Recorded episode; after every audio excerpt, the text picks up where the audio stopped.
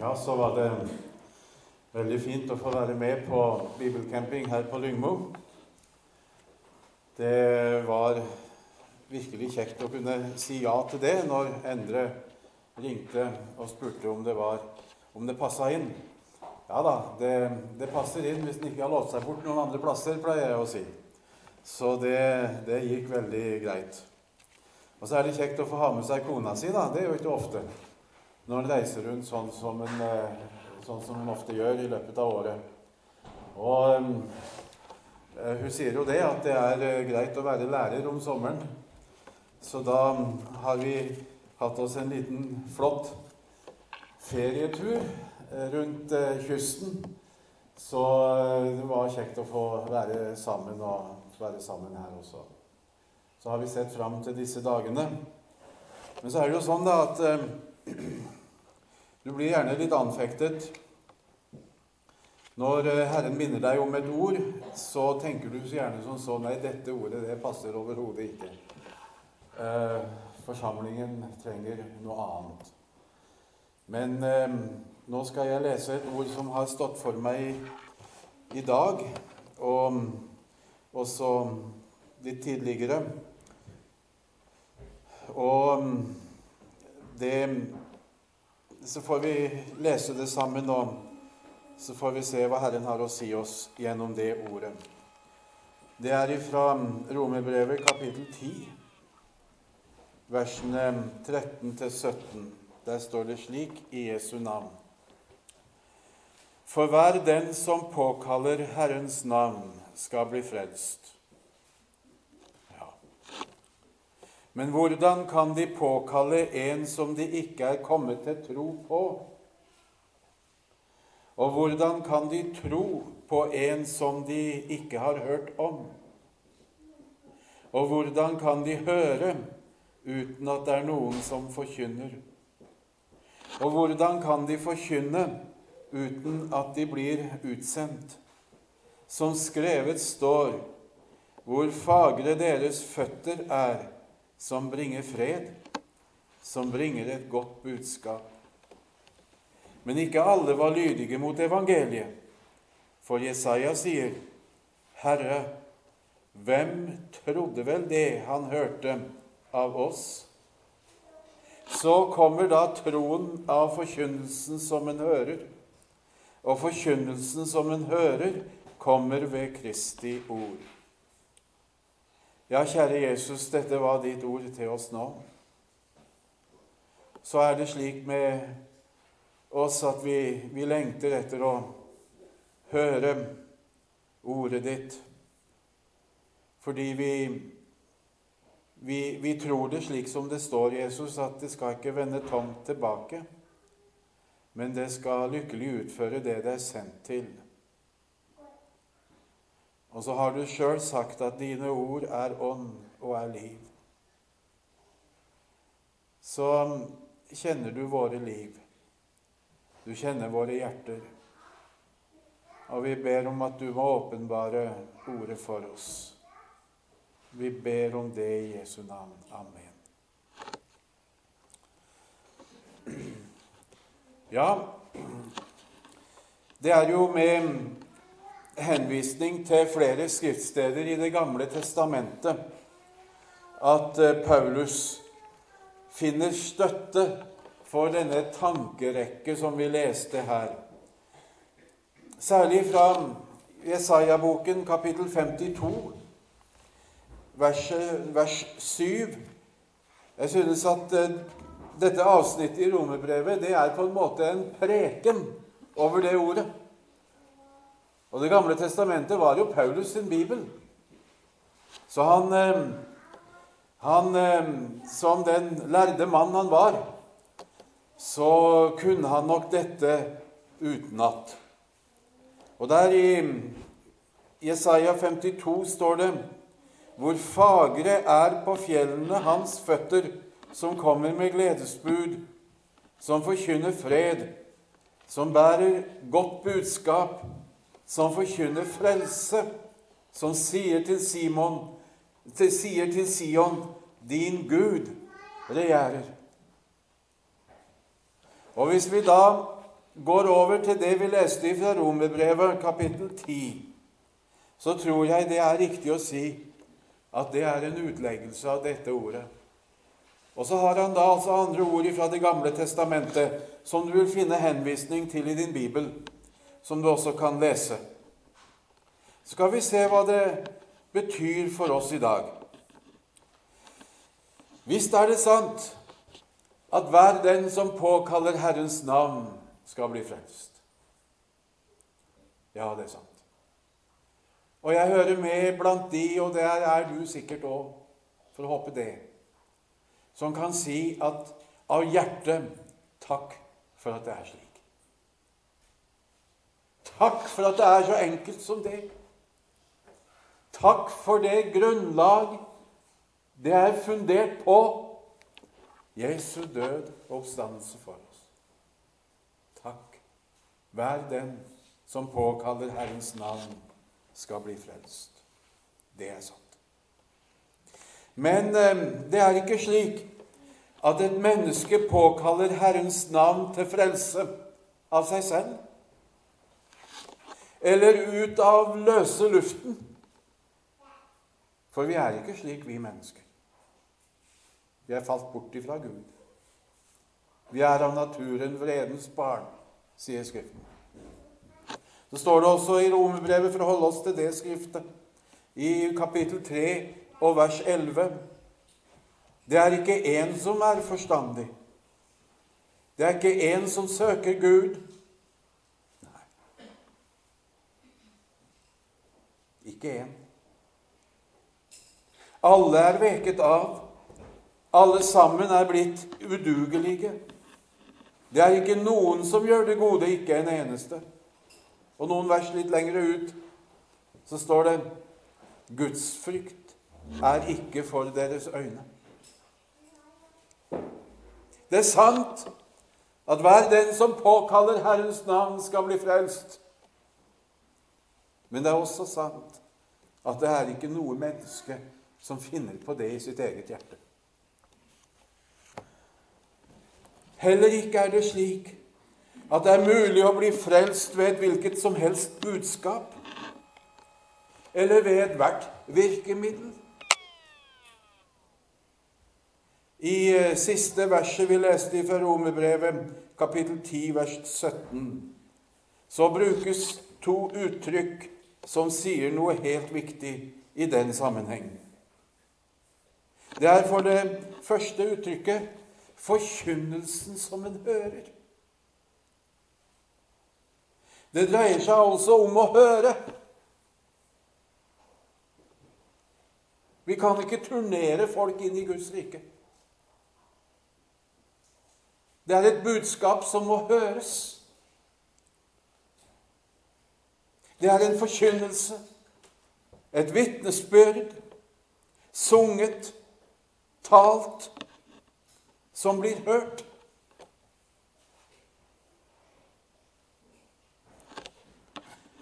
For det andre, eller det andre uttrykk som blir brukt, det understreker at det ikke er enhver forkynnelse som har den virkning at den fremkaller tro hos mennesker. Men bare den som har Kristi ord vil si evangeliet til innhold. Paulus han eh, griper fatt i dette med å påkalle Herrens navn i det første verset der i vers 13. Hvordan kan de påkalle en de ikke er kommet til tro på? Når han leste Jesaja 52, 7, om disse fagre føtter som gikk ut i verden og forkynte fred, et godt budskap som forkynte frelse, sto det også der. Så kommer det Hvordan kan de påkalle en de ikke er kommet til tro på? Og hvordan kan de tro på en de ikke har hørt om? Dette er jo så logisk at det skulle nesten ikke være nødvendig å nevne det. Og like logisk er fortsetningen av Paulus sin tankerekke Skal folk høre, så må det til forkynnelse. Og skal forkynnelsen komme ut i folket, så er Herren avhengig av at lydige vitner blir utsendt og stiller seg fram. Hvilken enkel og mektig utleggelse av profetordet, hvor fagre deres føtter er, som bringer fred, som bringer et godt budskap. Det hadde han ifra sin bibel. Uten forkynnelse ingen tro. Eller som det heter i vers 17, der det samme uttrykkes på en litt mer positiv måte, kanskje. Troen kommer av forkynnelsen. Egentlig står det at troen kommer ved at man hører. Troen kommer ved hørelsen, står det. Og hørelsen, hørelsen formidles gjennom Kristi ord. Altså Forutsetningen for at forkynnelsen skal fremkalle frelsende tro, er at den har Kristi ord, vil si evangeliet til innhold. Det er ikke en hvilken som helst tale. Den må være som Guds ord. Hva slags ord er det? Ja, i Galaterbrevet kapittel 3 så taler Paulus om at de hadde fått Ånden ved å høre troen forkynt, sier han der. Ja. Dette skjedde ved at de fikk Jesus Kristus malt for øynene som korsfestet. Slik hørte de troen forkynt. Det samme hører vi om når han skriver til menigheten i Korint. Vi forkynner Kristus korsfestet, for jøder et anstøt og for hedninger en dårskap. Og litt lenger ute i kapittel 2, der i første Korinterbrev, sier han Da jeg kom til dere, brødre, kom jeg ikke med mesterskap i tale eller visdom da jeg forkynte dere Guds vitnesbyrd for jeg ville ikke vite av noe blant dere uten Jesus Kristus og ham korsfestet. Så kan en jo si at den forkynnertradisjonen som har preget vår virksomhet på bedehusene rundt forbi, det er tuftet på den overbevisning at skal Jesus Kristus males som korsfestet for øynene våre, så må forkynnelsen formidle Guds hellige krav i loven og rekke og rekke Guds miskunnhet til fortapte syndere i evangeliet. Luther han sa det slik Evangeliet kan ikke rett erkjennes uten kampen i den forskrekkede samvittighet. Hvem har behov for evangeliet? Jo, det er den som har fått sin samvittighet uroet, dømt ved lovens ord. Derfor taler vi om to ord i Bibelen. Vi taler om loven, og vi taler om evangeliet. Vi taler om synd, og vi taler om nåde med den frigjørende betoning av 'på nåden i Guds hjerte', slik vi lærte det av Rosenius. Loven er saltet, og uten salt blir det ingen tørst etter evangeliet. Jeg er såpass gammel etter hvert at jeg, hadde, jeg fulgte prekenlære ved Carl Fredrik Wisløff i min studietid. Og Han sa det slik.: Vi står ikke på prekestolen for å briljere med dypsindig utleggelse om vanskelige emner, men for å forkynne Guds lov og Guds evangelium. La oss derfor igjen minne hverandre om hvordan sann tro skapes. Og så har jeg lest litt i noen eh, gamle bøker, og så har jeg stoppa opp ved det de gamle lutheranerne talte om. De talte om anger, og de talte om tro. Hva sier Bibelen om anger? Jo, anger er den forskrekkelse som samvittigheten føler når en forstår at Gud er vred over synden. Når synden i mitt liv blir noe mer enn et beklagelig feilgrep. Når den syndige tanken blir liksom Ja, ja, ok, det er meg. Det blir noe mer. Når det syndige ordet blir noe mer enn Ok, jeg kunne ha vært usagt. Eller den syndige gjerningen Ja, ja, vi er syndere. Men det blir alvor fordi Gud er vred. Gud er vred på synden i tanker, ord og gjerning. Ja, mitt hjerte og mitt hjertes trang. Gud er vred.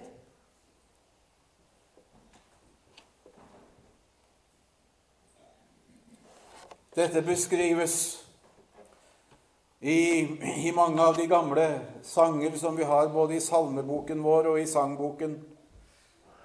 Jeg har sagt det noen ganger, og jeg kan vel gjenta det. Dette er en god andagsbok, egentlig. Les den. Her er mye åndelig, dyp åndelig visdom. I en av de sangene som vi synger ofte, så står det Gud når du til regnskap kaller meg for alt hva jeg har gjort. Der er samvittigheten truffet. Finnes akk i hver en alder livets ansvar tungt og stort? Synd og gjeld og skyld og brøde, mange, mange tusen pund. Herre, hvordan kan jeg møte fremfor deg i regnskapsstund. Da fangevokteren i Filippi forsto sin virkelige stilling, så står det om ham i apostelgjerningene kapittel 16 at han falt skjelvende ned for Paulus og Silas og spurte, 'Herre, hva skal jeg gjøre for å bli frelst?' Han kjente ikke veien, men samvittigheten var truffet. Det står om de som hørte Peter tale på den første pinsedag, at det stakk dem i hjertet, og de sa, 'Hva skal vi gjøre, brødre?' Det stakk dem i hjertet. Hva skal vi gjøre, brødre? Dette er den anger som Bibelen taler om i forbindelse med omvendelsen den kommer av loven. Det er loven som treffer. Det er når loven blir forkynt rett, at den treffer. Den treffer samvittigheten. Og det blir ikke bare feilgrep, men du blir stående innenfor den tre ganger hellige Gud med en tilstoppet munn, uten forsvar. Og det står jo slik i Skriften. Vi vet, sier Paulus, at alt det loven sier, det taler den til dem som er under loven, for at hver munn skal bli lukket, og hele verden blir skyldig for Gud. En sang til, en sangstrofe, som uttrykker det. Jeg står for Gud som allting vet, og slår mitt øye skamfullt ned. Jeg ser min synd, at den er stor, i tanker, gjerninger og ord. Det meg igjennom hjertet skjær. Å Gud, meg synder nådig vær. Angeren frelser ingen den. Selv om mangt et fortvilet synderhjerte har bestemt seg for å bli en kristen. Guds hensikt med angeren er imidlertid at mennesket skal bli så fortvilet over sin tilstand at han gir opp håpet om å kunne frelse seg selv. Bli stående der uten forsvar. Ingenting å komme med. Tilstoppet munn. Og nå kommer vi til det andre som omvendelsen består av, nemlig tro. Det er en som har sagt det slik Det er ikke mulig å bli skremt inn i frelsen. Nei. Det er i høyden mulig å bli skremt til å ta seg sammen og prøve å forandre livet sitt.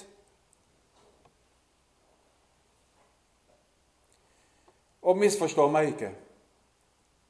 Men i egentligste forstand så er det ikke mulig for å bestemme seg for å bli en kristen.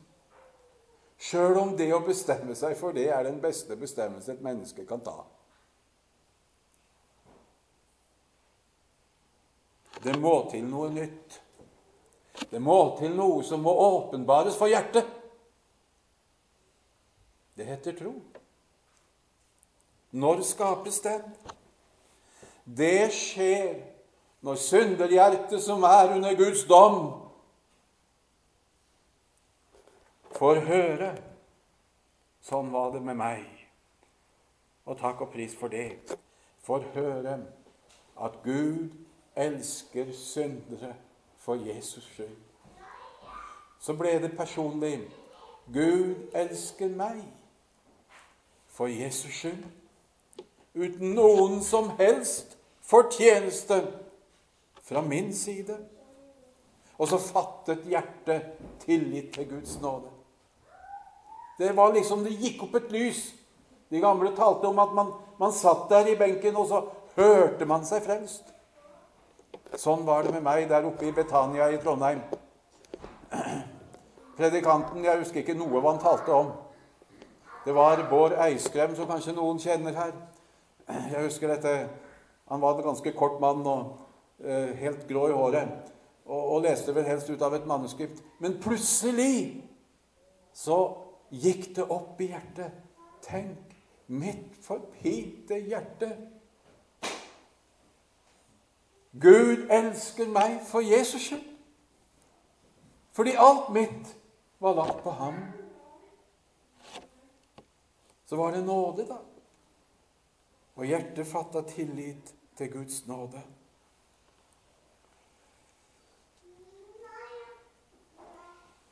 Har du funnet hvile der?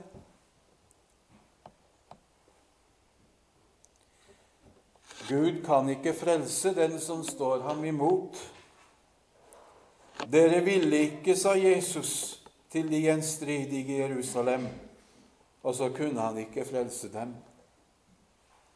Derfor, sier Guds ord, og det skal lyde i dag òg. Har du funnet hvile hos Jesus? I Guds nåde? For ditt synderhjerte? Det står slik I dag, om dere hører Hans røst, da forherd ikke deres hjerter. Dagen kan komme da det er for sent.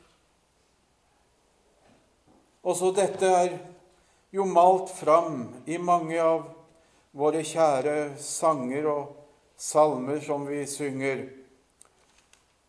Bare la meg nevne en her. Vi har vel tid til det. Syndarvenen mildt deg ber, ved hans kors er rom. Kom og deg i nåden gled, ved hans kors er rom. Drikk av livsens kjeldevell, rik og fattig, fri og trell. Der er frelse for di sjel, ved hans kors er rom.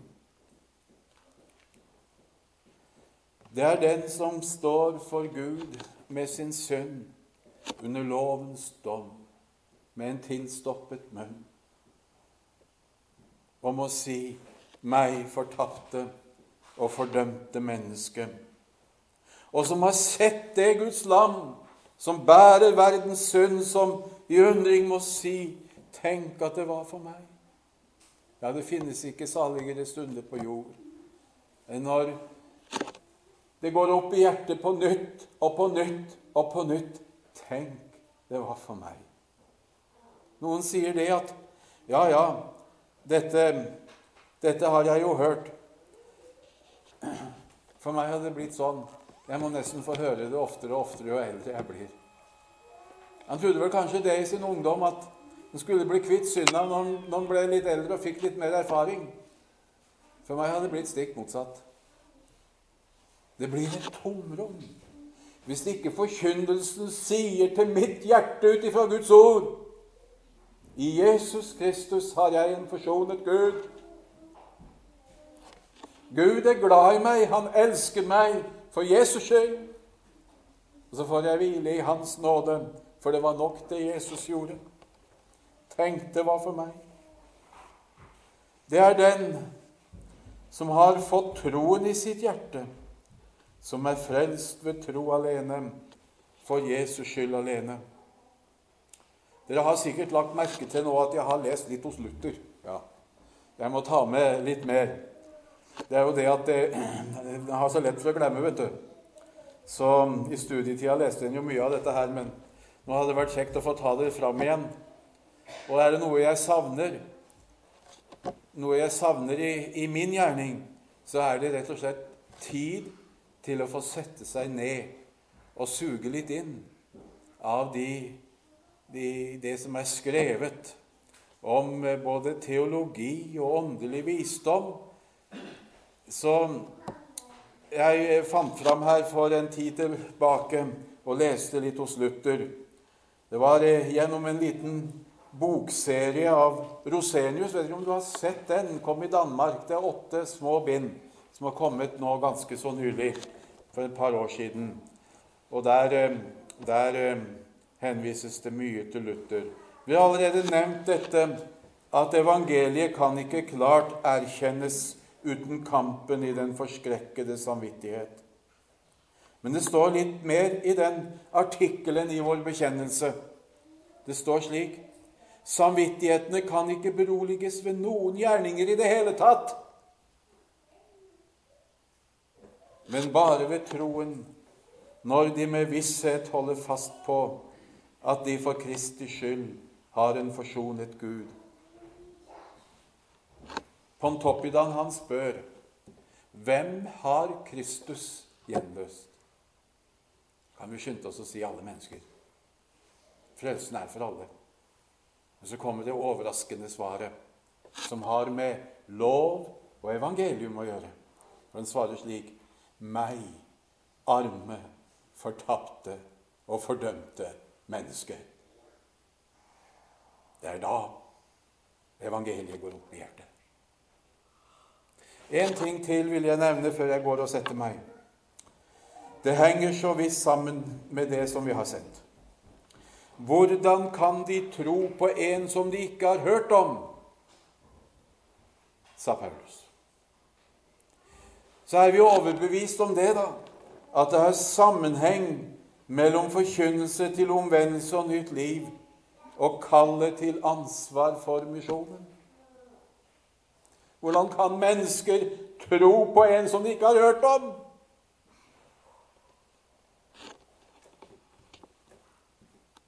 Det er når mennesker kommer til personlig tro på den Herre Jesus, at misjon blir et kall det er umulig å komme unna.